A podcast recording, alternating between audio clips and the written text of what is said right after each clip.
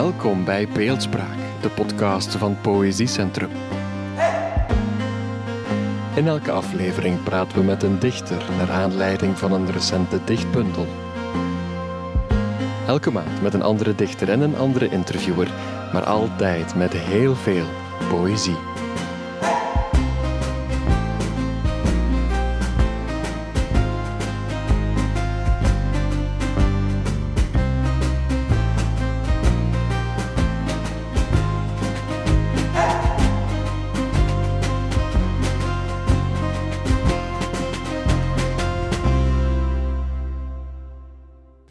Bij de podcast Beeldspraak. Deze aflevering zal geheel gewijd zijn aan de dichter Tijl Nuits.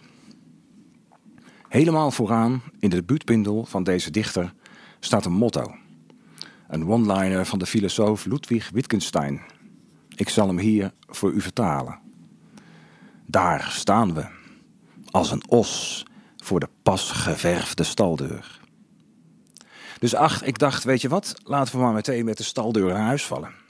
Tijl, wat betekent beeldspraak voor jou? Ja, beeldspraak ehm, is alles. Hè.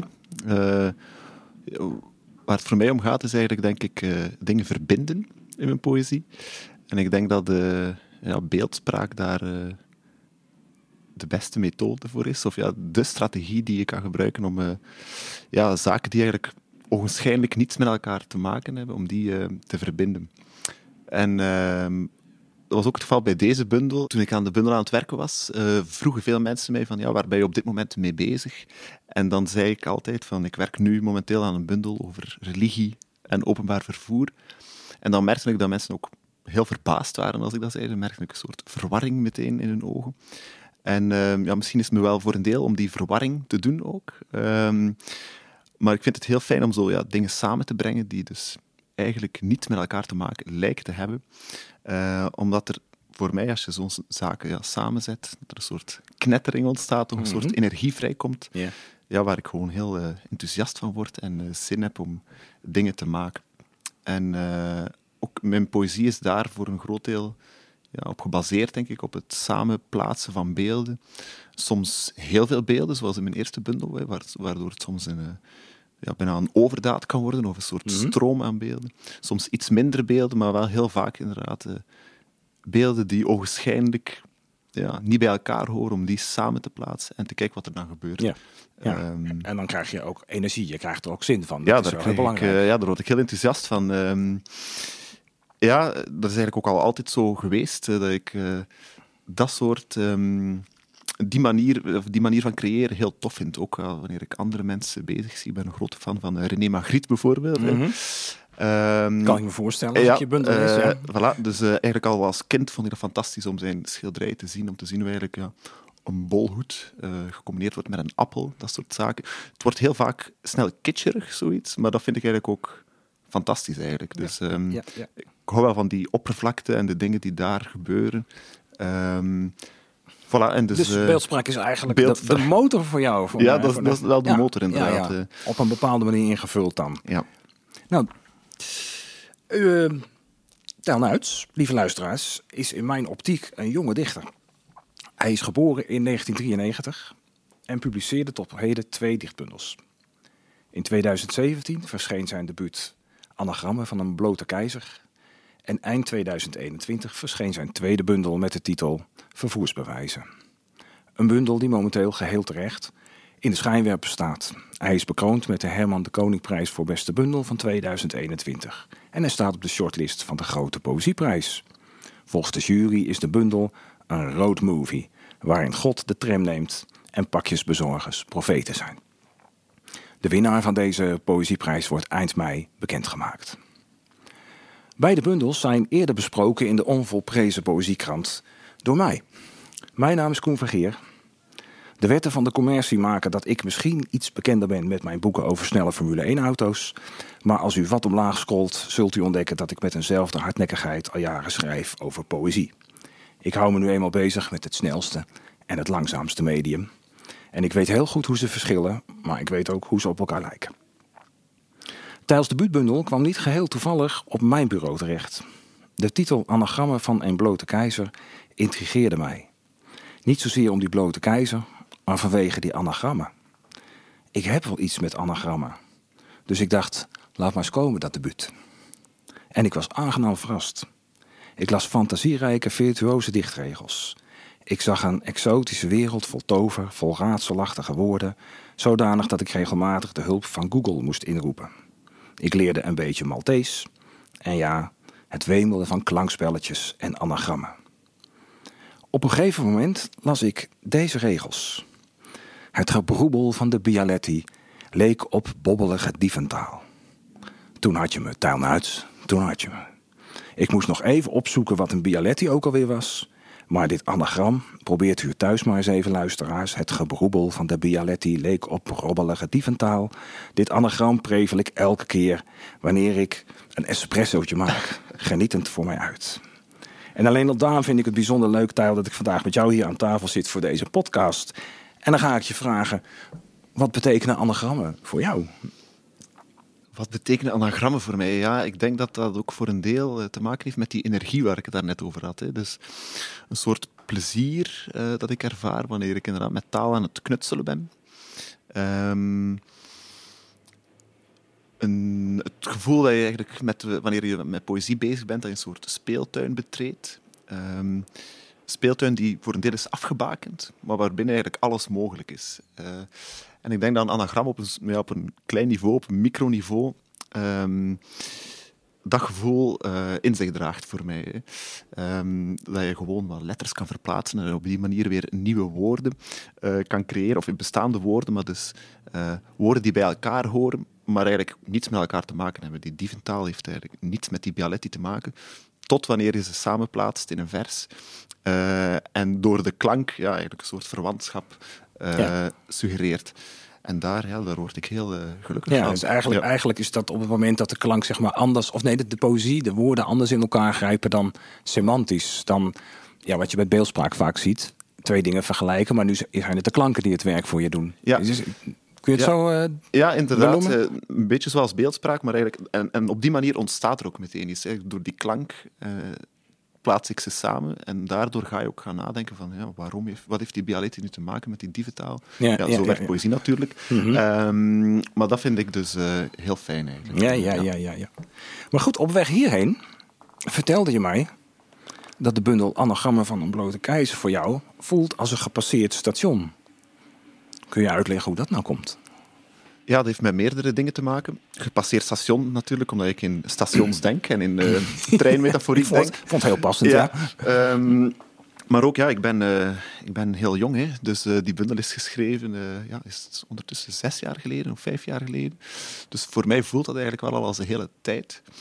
Um, en ik werk ook redelijk thematisch, of ik, ik zet voor mezelf de lijnen uit en daarbinnen kan alles gebeuren, maar wanneer het voorbij is, wanneer het werk gedaan is, verlaat ik het project ook voor een deel. Uh, en daarom voelt die bundel voor mij een beetje als een, ja, tijdsdocument van een bepaalde periode waarin ik bepaalde vragen had, bepaalde bekommernissen had. En die heb ik dan uitgewerkt, Daar, daarin heb ik me uitgeleefd.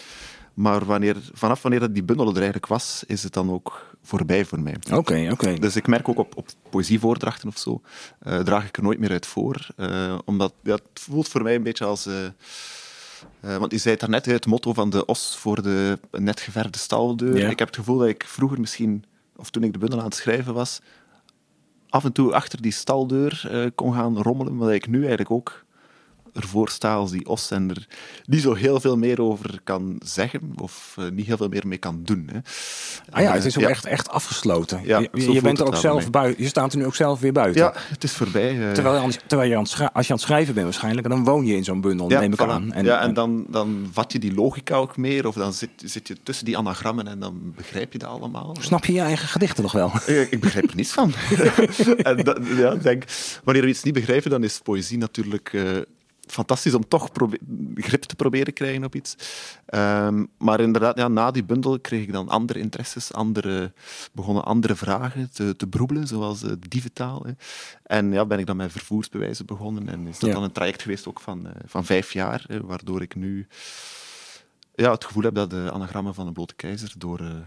Ja, misschien wel door een vreemde is geschreven. Oké, Het ligt echt achter Ja. je. Ja, ja, ja. Maar het is toch niet zo dat je als Hugo Claus als een, bij je werk wegloopt als een hond van zijn eigen Ah. excrementen. Nee, nee, nee, nee. Kijk wel je, voelt nog wel iets voor deze Ja, ja, zeker, ja, Daar schrok ik wel- al van. Ik denk, ja, je zal hem toch nog wel goed vinden. Nee, nee, nee, ik heb hem zeker niet afgezworen. Nee. Eh, Hugo Claus hangt hier ook, kijkt heel Oh streng ja, naar hij mij. kijkt op ons neer. Ehm, Hugo. Maar ehm, nee, nee, nee, ik kijk wel met, met een soort sympathie naar die bundel. Ehm, ik herinner me nog goed dat mijn uitgever ook zei op het moment dat, de, dat we die bundel aan het maken waren, dat hij iets zei in de aard van je zal hierna nooit nog zo'n bundel schrijven. Of je schrijft dit nu, maar over drie jaar schrijf je sowieso iets anders. Dus we moeten dit nu doen. Ik kan je misschien ook wel vragen bij stellen van... eh, hmm, moet je dan wel met zoiets debuteren? Maar ik heb er wel nog altijd ja, een soort... Ik kijk er wel met plezier op terug eh, dat ja, ja, ik daarmee belangrijk, gedebuteerd ja. ben. Het zou nu, niet meer, nu zou ik dat inderdaad niet meer schrijven, maar eh, Nee. als ik die bundel bekijk, dan voel ik wel... Ik heb hem bekeken omdat ik wist dat jij nog enkele vragen zou stellen. Dus dacht ik, oh ja, die anagram van de blote keizer. Waar ging dat ook alweer over? En dan... Ja, je, je kijkt gewoon terug naar jezelf, eh, vijf jaar geleden. En voor een millennial als ik is dat eh, ja, een hele tijd. Hè. Een, andere versie van mezelf. Ja. Nou gaan we nog even iets verder terug. Ja. Ehm, naar voor die tijd, eh, de, wording van die bundel misschien en ook wel de tijd daarvoor. Want kijk, iedere weldenkende puber, eh, zo tussen 14 en 21, die schrijft wel eens een gedichtje, nietwaar? Al is het maar voor zijn liefje. Ehm, hoe, hoe ben jij begonnen? Wanneer schreef jij bijvoorbeeld je eerste gedicht? Of wanneer dacht je van, ik moet poëzie schrijven? Hoe is dat gegaan? Ja, eh, er zit nog een verschil voor mij tussen poëzie schrijven en proza schrijven. Ik heb eigenlijk, zolang als ik me herinner, geschreven, proza geschreven. Dus toen ik nog op de lagere school zat, ja, plagieerde ik The Lord of the Rings en zo. Dus ik gebruikte een eh, grote computer zonder internet, waarin ik dan verhalen schreef, waarin gehelmde ridders en dwergen eh, op een beetje potsierlijke manier door een landschap schreden.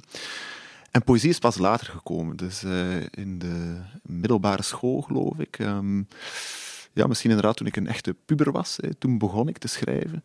Ehm, maar dat waren echt probeersels. Ik denk dat ik ook in die tijd heel toepasselijk Herman de Koning klas. Hè, dat was denk ik de enige poëzie die bij ons ehm, in huis aanwezig was. Dus het verzameld werk in een mooie, mooie rode banden, herinner ik me.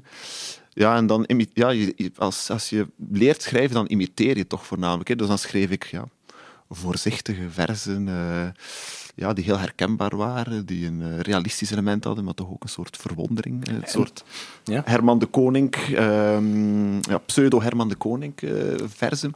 En wat maakte de wissel? Wat maakte de, want op gegeven je was, je, kijk, zoals Harry Moody zegt, ja, ik noem hier een hele hoop kanonnen. merk ik al. Ja. Harry Moody, je bent altijd als schrijver. Je wordt het niet, je bent het. En zo kom je ook over van, hè, meteen, ik ga meteen schrijven. Ik was al aan het schrijven voor ik het wist.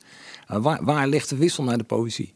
Dat vind ik heel moeilijk om eh, te pinpointen, inderdaad. Ehm, ja, ik denk dat dat gewoon een, vanuit een soort nieuwsgierigheid van, ah, dat ga ik ook eens proberen. Ehm, want ja, ik schreef veel, maar daarvoor dan schreef ik ook heel veel stripverhalen. Dus ik tekende Oké, stripverhalen. ja, ja, ja. Ik denk dat je misschien nog altijd een klein beetje mijn poëzie kunt zien. Ehm, dus ja, ik probeerde eigenlijk gewoon van alles. Maar dus het is heel moeilijk om zo'n soort eh, Mhm. oermoment of zo eh, te zien. Maar daarna ging ik eigenlijk verder na die pseudo-Herman de Koning verzen, ging ik weer verder met kortverhalen voornamelijk. Eh, en die publiceerde ik dan in tijdschriften. Ehm, en dan was er eigenlijk al anagram van de blote keizer. Eigenlijk. Nadat ik enkele kortverhalen had gepubliceerd, was er een moment dat ik eh, ja, misschien het anagram had ontdekt of zoiets. Ik weet het niet. Ja. Maar ehm, ja, op een bepaald moment, toen was ik student. eh, en ik herinner me dat ik eigenlijk op korte tijd de oerversie toen van die bundel heb geschreven. eh, met Bialetti koffie als motor. Hè, want daar wordt Ja. heel, eh, verkwikt je enorm. Hè. En een beetje in een soort koffieroes de eerste versie van die bundel heb geschreven. En toen voor mij is begonnen met poëzie. Ja, ja. Eh, door die poëzie dan te gaan voordragen. En dan ehm, was het Annemarie Estor die me van een podium plukte en vroeg, heb je geen manuscript liggen? En dan op basis van die ja, vreemde versen over Kuluri ja, werd ik opeens dichter. eh omdat Ja. Harold Polis dan interesse toonde in die poëzie.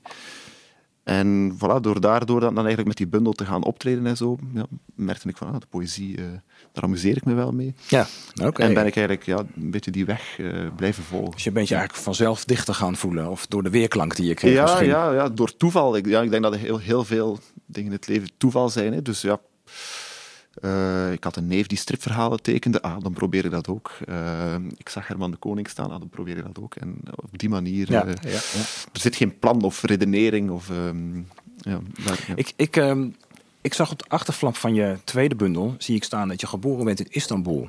Ja. En ik zie ook in die eerste bundel, ook in deze tweede, ja, dat maakt mij nieuwsgierig als ik zoiets lees. Ik zie allerlei Oosterse invloeden. Ben jij in meer culturen thuis? Is, hoe, kun je verklaren? Waar komt het vandaan? Nee, ik zou zeker niet zeggen dat ik in meerdere culturen thuis ben. hè. Dus ik ben geboren, eh, mijn ouders zijn eh, Belgische ouders die een tijdje in eh, Turkije woonden voor hun werk, voor het werk van mijn vader. Ehm, en ik heb ook helemaal geen herinneringen aan Turkije of aan die periode nee, daar. nee, dus nee. alles wat ik weet over die periode komt door vertelsels van mijn ouders. Maar natuurlijk is er dan wel een soort fascinatie. Hè. En toen mijn zus ehm, op Erasmus ging naar Istanbul, ja, ging ik wel op bezoek met een speciale belangstelling. Ehm, maar het blijft altijd een soort toeristische belangstelling. Ja, ik ga zeker niet pretenderen dat ik eh, ja, een, eh, een bevoorrechte positie inneem of echt het, het oosten, wat ook wel meteen een, een soort stereotype is, goed ken. Maar ik heb Mhm. wel avondlessen Turks gevolgd en zo, dus ja, er is wel een soort interesse. Ehm, maar dus die is wel redelijk oppervlakkig. Ja. En Ik Oké. pretendeer zeker niet dat ik echt... eh, Heb je ook avondlessen Maltese gevolgd? Want Die heb ik niet was zo gevolgd, nee. verbaasd. Ja. Ik moest natuurlijk op Google zoeken. En toen kwam ik in één keer op een site tegen die Maltese taal bracht. En daar herkende ik al die woorden. Ik denk, Nee, die is, is een heel vreemde taal. Hè. Ja, Ja. Het is eigenlijk een, ja, een Arabisch substraat, noemen ze dat. Dus de basis van de taal is Arabisch. En dan zijn er heel veel door verschillende overheersingen, heel veel Italiaans. ehm, Engels is er ook ingeslopen. Maar nee, ik heb nooit avondlessen Maltese gevolgd. Kuluri, de prota- protagonist eh, Mhm. van de bundel. Want de bundel is redelijk verhalend, dus heeft een protagonist. Die volgt inderdaad eh, avondlessen Maltese. Die heb ik nooit gevolgd. Eh, maar ik ben wel ooit, ehm, ik denk dat ik 16 was, eh, en ik zat toen in een jeugdbeweging, een Vlaamse jeugdbeweging, de Giro. En er was toen een uitwisselingsmoment gepland tussen verschillende jeugdbewegingen, Europese jeugdbewegingen. En dat moment vond plaats in, in Malta. En dat was, ja, de eerste keer dat ik daar kwam, ik was al in Italië geweest. Ehm, ja, voor mij was dat wel een andere wereld, voornamelijk op het talige niveau. Ja. Ik hoorde die taal en ik dacht, oh, wat gebeurt er hier? Eh, want ik kende een beetje Spaans. eh, in, in Vlaanderen leer je Frans spreken, Engels en zo. Maar die taal was echt eh, heel speciaal voor mij. Omdat ja, je dingen ja. herkende en toch ook heel veel niet herkende. En ehm, ja, dat vond ik heel stimulerend. En dat is dan... Ja, En dat probeerde jij weer te verbinden en zo kwam het in die bundel ja, terecht. voilà, voilà, inderdaad. eh, de ja. verbinding alweer. Ja, ja, ja, ja, ja. inderdaad.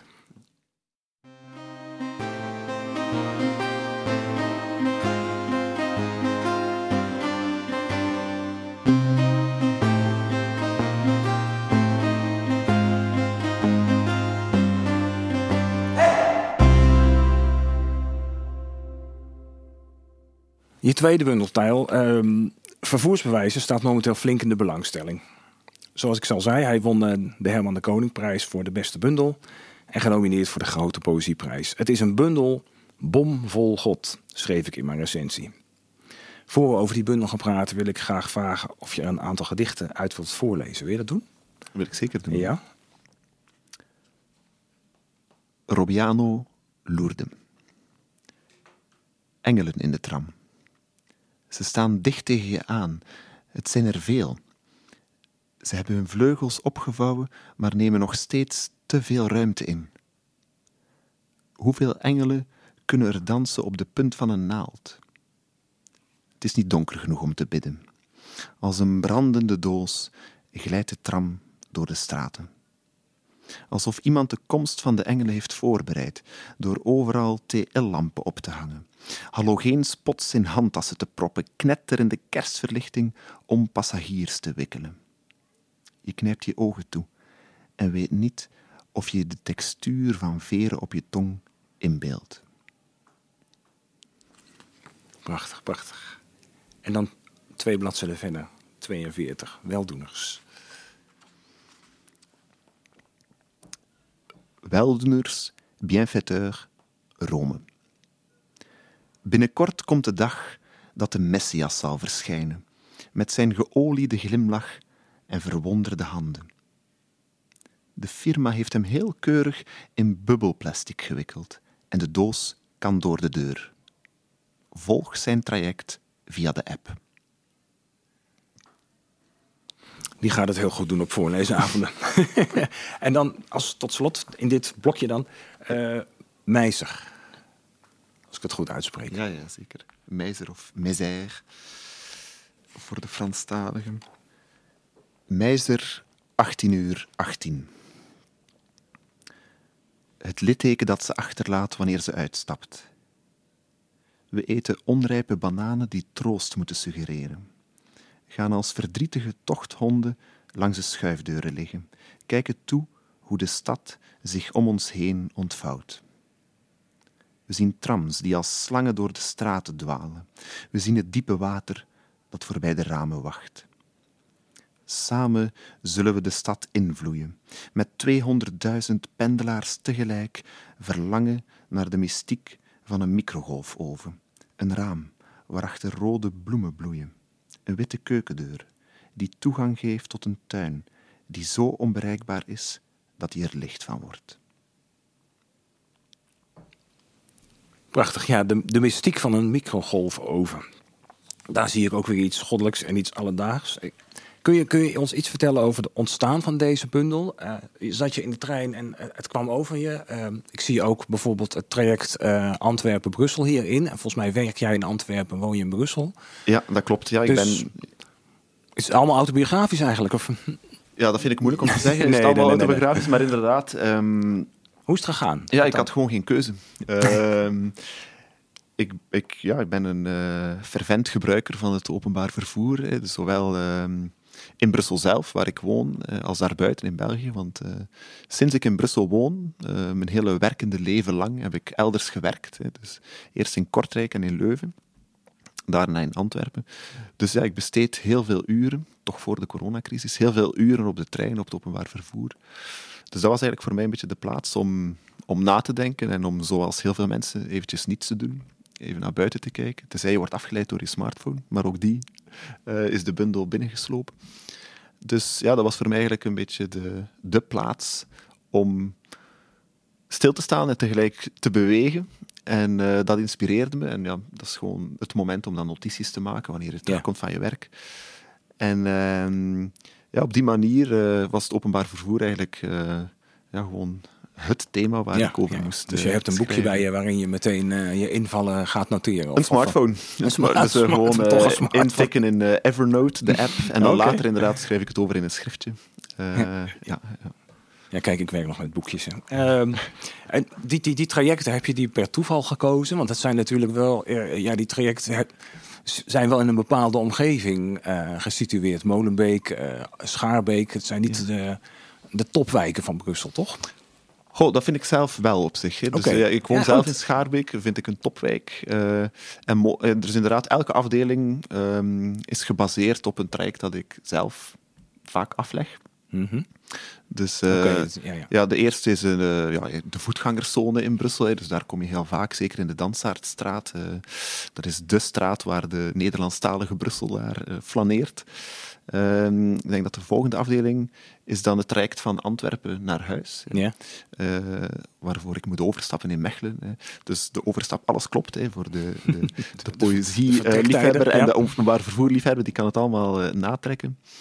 Um, ja, en dan is er inderdaad ook die afdeling uh, toerist, um, die, die op, de metro, op een metrolijn geënt is. Die is eigenlijk, dat is eigenlijk de oudste afdeling. Toen woonde ik zelf nog niet in Brussel toen ik die schreef. En die is gebaseerd op een uh, traject dat ik aflegde om uh, les te gaan geven in een middelbare school okay. in Anderlecht, waar ik toen stage liep. En dan is er ook nog ja, de langste afdeling, hè, die uh, zich in een deelauto um, voltrekt. En uh, ja, dat is ook een, uh, een, vervoersmiddel dat ik af en toe gebruik. Okay. ik ga geen reclame maken voor welke deelplatform precies. Maar ja, ik ben, ben niet zo'n dappere chauffeur. En die angst voel je denk ik ook in die, in die uh, afdeling weer klinken. Maar ook dat is een traject dat ik. Ja, dat hebben schrijvers en dichters, hè? Die zijn geen autorijders. Nee, nee, nee. nee, nee, nee. Oké, okay, okay. ja, ja, Het leuke van dit vond ik ook. Tenminste, ben ik onmiddellijk gaan doen om op Google Maps te gaan kijken van waar bevindt hij zich precies. En ook dat hele rondje rond Brussel inderdaad natrekken ja, met alle afritten erbij. En waar is hij nou? Want af en toe ging je heel eind verder. Ja, ja. En toen was jij wel de hoek om en dan dacht ik, waar is hij nou toch gebleven? maar uiteindelijk kwam het toch weer goed. um, die trein stopt ook in Nekkarspoel. Ja. Ehm, je noemde het net al. Ehm, ja, ja, misschien stapt hij over in uh, Mechelen Centrale, voor heet het. Maar zou je het gedicht Neckar, Mechelen Nekkerspoel voor willen lezen? Ja, dat wil ik zeker. Ehm, mhm.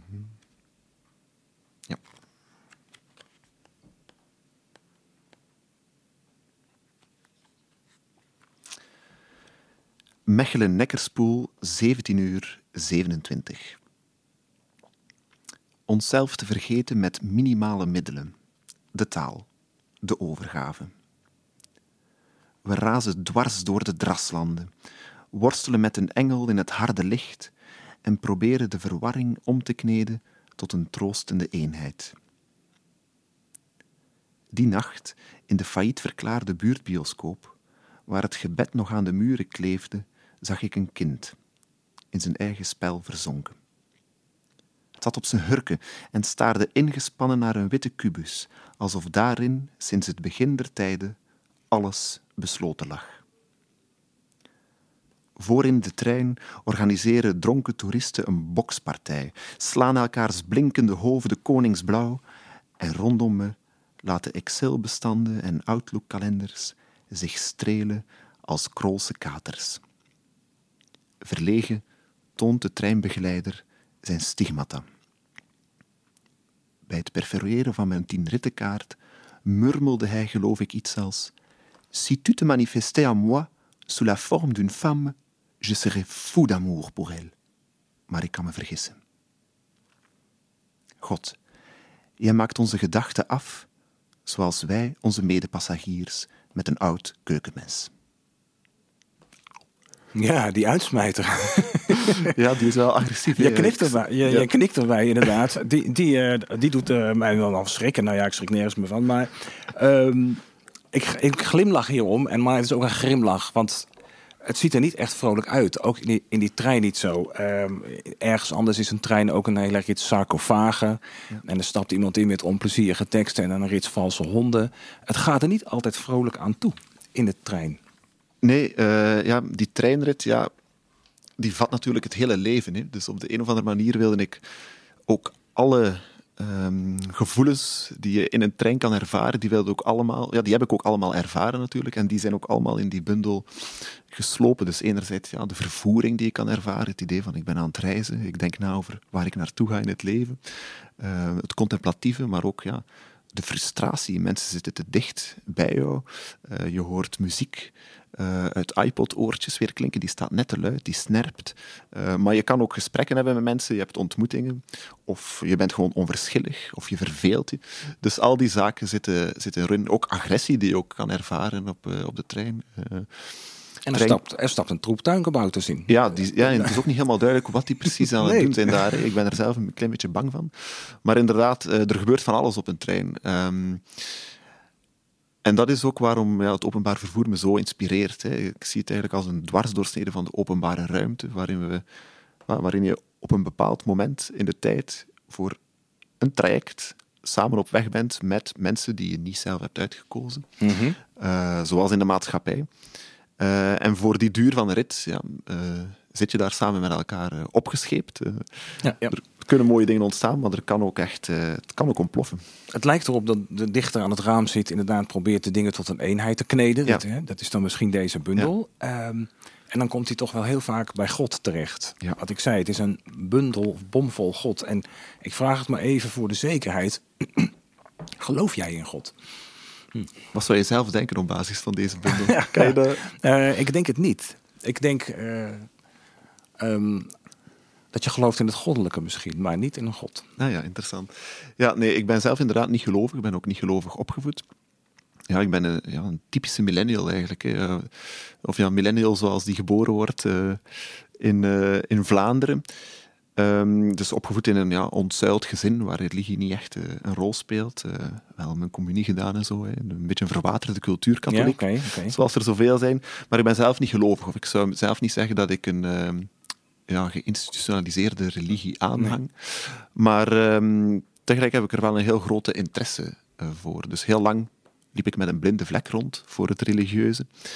Maar het is dan eigenlijk na de aanslagen, of ja, na de aanslag op Charlie Hebdo, dat ik misschien zelf, omdat ik ook een eh, amateur striptekenaar was, dat ik ja, een interesse begon te krijgen in religie en ook in, ja, in wat ik eigenlijk zelf niet ben. Dus eigenlijk in bepaalde denkkaders die niet de mijne zijn, eh, maar die ik toch heel serieus wil nemen. En tegelijk op een speelse manier eh, mee wil omgaan.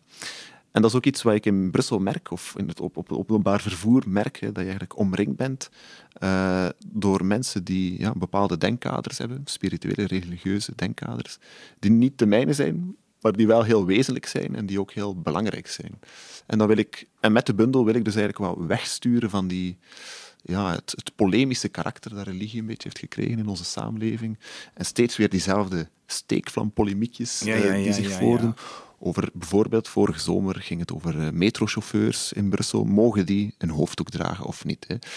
En van dat soort, ja, dat soort dingen, um, daar word ik heel kwaad van. Vooral ik word vooral kwaad van de manier waarop die dingen worden besproken. Steeds weer dezelfde debatten, steeds weer dezelfde argumenten die zich herhalen. En het is ook met die taal, dus die, die polemische taal, dat ik aan de slag wou. Dus tegelijk dat soort ja, media-debatjes, die wou ik in de bundel uh, ja, gebruiken, reproduceren, maar ja, ook bekritiseren. Ja, er een paar terug. Ja, Voilà, maar, ook, maar ook de religieuze taal, die zo vreemd voor mij is. Hè. En die religieuze gebruiken en rituelen en religieuze kunst. Ik heb daar niet meteen toegang toe. Um, en net daarom appelleert dat heel sterk aan mij. Ja, ja. En wil ik daar iets mee doen uh, vanuit mijn eigen positie. Maar dus zelf ben ik niet gelovig. Uh, nee. en, en God zelf, ja, die, die ken ik helemaal niet. En, uh, en of, of hij bestaat of niet, is voor mij minder, minder belangrijk. Hè. Dus het, is, het gaat om vervoersbewijzen. Ik bewijs mm -hmm. dat ik de trein heb genomen, de tram heb genomen. Maar of God bestaat of niet, uh, dat kan ik niet bewijzen. En nee, nee, nee. nee. Ja. nee, nee, dus, ja. ik, dacht, ik, ja. toen, toen, ik de titel las en ook in de bundel zelf was, uh, spook natuurlijk het woord godsbewijzen ja, ja, in mijn het resoneert wel. Ik wou het ook mee laten precies, resoneren. Ja. Ja, ja, ja. Maar ik lees in de bundel bijvoorbeeld wel, kon je maar verlangen naar een God. Ja. Of geef het maar toe, we verlangen naar een heiligheid. Ja. Ik denk je, omdat religie is natuurlijk afgeleid van verbinden. Ja. Ja, en daar ja. ben je eigenlijk mee begonnen, deze podcast. Uh, en jij probeert dingen te verbinden. Ja. Denk je niet dat je bijna als dichter automatisch uitkomt bij iets als God of het goddelijke? Ja, dat vind ik wel een interessant idee. Uh, inderdaad, ja, religare, het verbinden. En dat is inderdaad wat ik in die bundel wil doen. Hè. Ik, mezelf verbinden met mijn omgeving, met, met de medemens hè, en met het goddelijke, hè, wat mm -hmm. dan ook mag zijn. Um, dus ja, als een abstract idee is God inderdaad aanwezig in de bundel.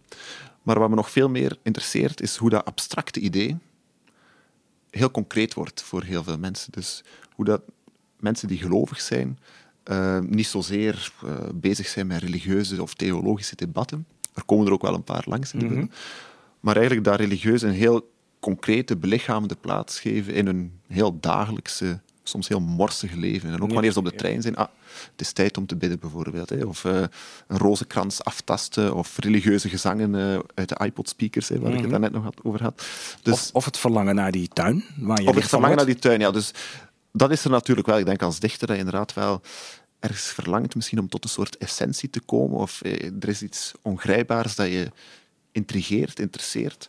Um, dus dat zit er wel in. Ook mijn, mijn overtuiging is ook dat de, de, de, grens tussen religieuze mensen, of mensen die zich als religieus identificeren, en mensen die zich als niet-religieus identificeren, helemaal niet zo strak hoeft te zijn. Ergens zeg ik ook iets over. Uh, in elke mens zit een leegte waar God precies in past. Ik denk dat dat ook geldt voor mensen die uh, ja, in de voetgangerszone op Black Friday uh, consumptiegoederen willen gaan kopen. Die mm -hmm. willen ook een soort leegte in zichzelf opvullen.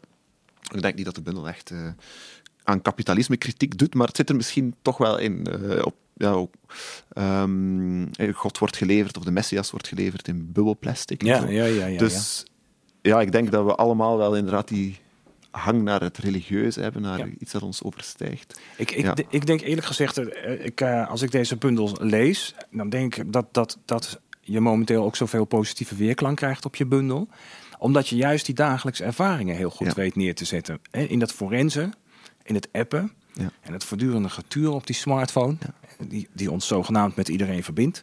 Het swipen en Tinder en Facebook, al die dingen haal jij erbij, maar ook die culturele diversiteit en die pakketdienstjes waar we al zoveel mee te maken hebben. Maar je probeert dat te verbinden met iets bestendigers. Je probeert er misschien ook wel, tenminste, dat is mijn interpretatie, je mag ja of nee zeggen, uh, en de schoonheid van te ontdekken. Je bedoelt de schoonheid van het dagelijkse ja, leven? Ja, ja, ja, ja. Of... Ja, uh, ja, ik vind het dagelijkse leven eigenlijk fantastisch. Uh, ja, en, ja, gelukkig. Ja, dus ik vind ook wanneer je op de trein zit, ja, er gebeurt zoveel dat zo eenvoudig en zo banaal is, maar dat dan tegelijk ook nog zoveel meer is dan ja. ja, puur ja. het banale, het saaie. Het is, het is saai, het is vervelend, het is dat allemaal, maar tegelijk is er ook een soort doorkijkje. Of er is altijd, er ligt nog iets voorbij, eh, die oppervlakte, dat gesuggereerd wordt. Maar ik raak daar ook niet helemaal. Hè. Dus ik, ik, Nee, ik, ik nee, doe nee, het met oppervlakte. Ik vind Mhm. de oppervlakte fantastisch. Ja. Eh, Maar ja, een oppervlakkige dichter. Dat, ja, ja, dat mocht je willen. Eh, nee, je ziet, je ziet inderdaad ook in, in, die, in zo'n regel als bijvoorbeeld... niets is saai als je ergens lang genoeg naar kijkt. Eh, Dat, dat, is wat je eigenlijk nu zegt. En waar, Ja. waar een regel waar ik ook heel lang op heb zitten kouwen... en kan blijven kouwen, is bijvoorbeeld... ongeloof is een dwaalpiste van de smaak. Hè? Dat is een, een profeet zegt dat, geloof ik. Maar dan denk ik, oh ja, dat is, ja, zitten we niet met die esthetiek eigenlijk eh, op de verkeerde route of zo? Weet je, dat, dat, dat, dat, dat, dat, dat, dat fascineert mij wel. En dat zijn dingen, ja, je kunt met deze bundel ook verder. Dat is ook fijn. Weet je, je het, hij is niet klaar als je hem gelezen hebt. Want je blijft hem herlezen en je blijft er ook in je hoofd mee bezig. En dat vind ik erg knap Dat je dat eh, horen, goed eh, hebt gedaan. Eigenlijk, eh, nou, om nog maar een kanon van stal te halen, uh, wil ik nog even Rielke citeren. Rielke die zegt op een gegeven moment, we bouwen met z'n allen aan God.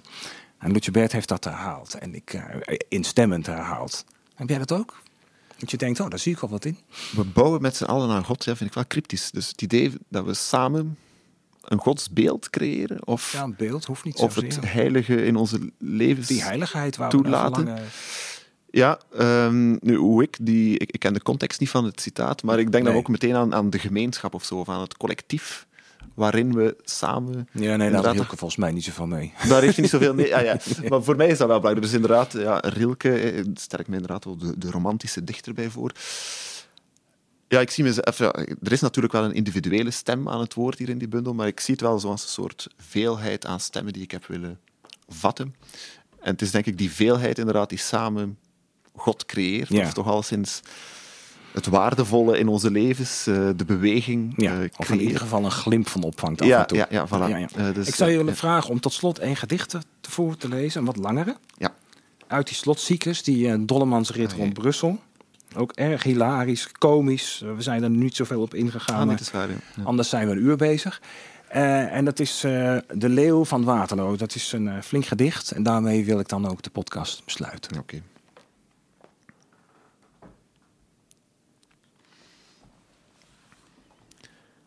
Leeuw van Waterloo. Men roept ons naar huis. De snelweg lonkt en het hek staat open. We kruipen uit onze kokon, de levende wezens en ik. En dan zie ik het pas. Boven de hoofden van mijn passagiers bevond zich al die tijd een koepel die glinsterde als kristal. Ze houden elk twee vleugels naar boven gestrekt om het gebinte te ondersteunen. Ik hoor het klapperen van veren, het geratel van reservewielen en daardoorheen, als de stem van de Almachtige, loeihard het gedreun van een aardbeving. Scheuren in het plafond, de instorting van een netwerk aan tunnels. Onder het gewelf wachten oranje machines met het schuim aan de lippen. Automaten vol sunlightzeep, zeelucht uit onderbroeken, veel hoeken van heet middaglicht schuiven over de tegels en de muren, over de gerimpelde armen van de man die t-shirts plooit en het gezicht van de vrouw die jetons voor de droogkast koopt. Als toeristen staren de levende wezens en ik naar de wasmachine in het licht van de volgspot, recht onder het middelpunt van de koepel, en turen naar de tollende trommel als naar een dolgedraaide derwish, tot die tot stilstand komt. Een van de levende wezens bukt zich en klikt de zware deur van de wasmachine open. Een patrijspoort die ons de wereld toont. We proppen onze reiskleren in de machine, gaan zitten, vallen in slaap. Lang programma. Achter het bolle glas zwemt het gelaat van God. Het is nog mooier dan op Tinder. Als een fopbril weerspiegelt het raampje het talloze keren gefotografeerde gezicht tot in het oneindige. Onze gedachtegang knapt wanneer de deur van binnenuit wordt opengeduwd.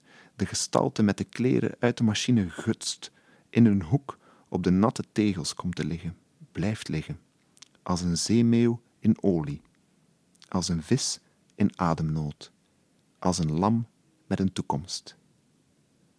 En dan kijken Gods ogen recht in de mijne en ook in die van jou.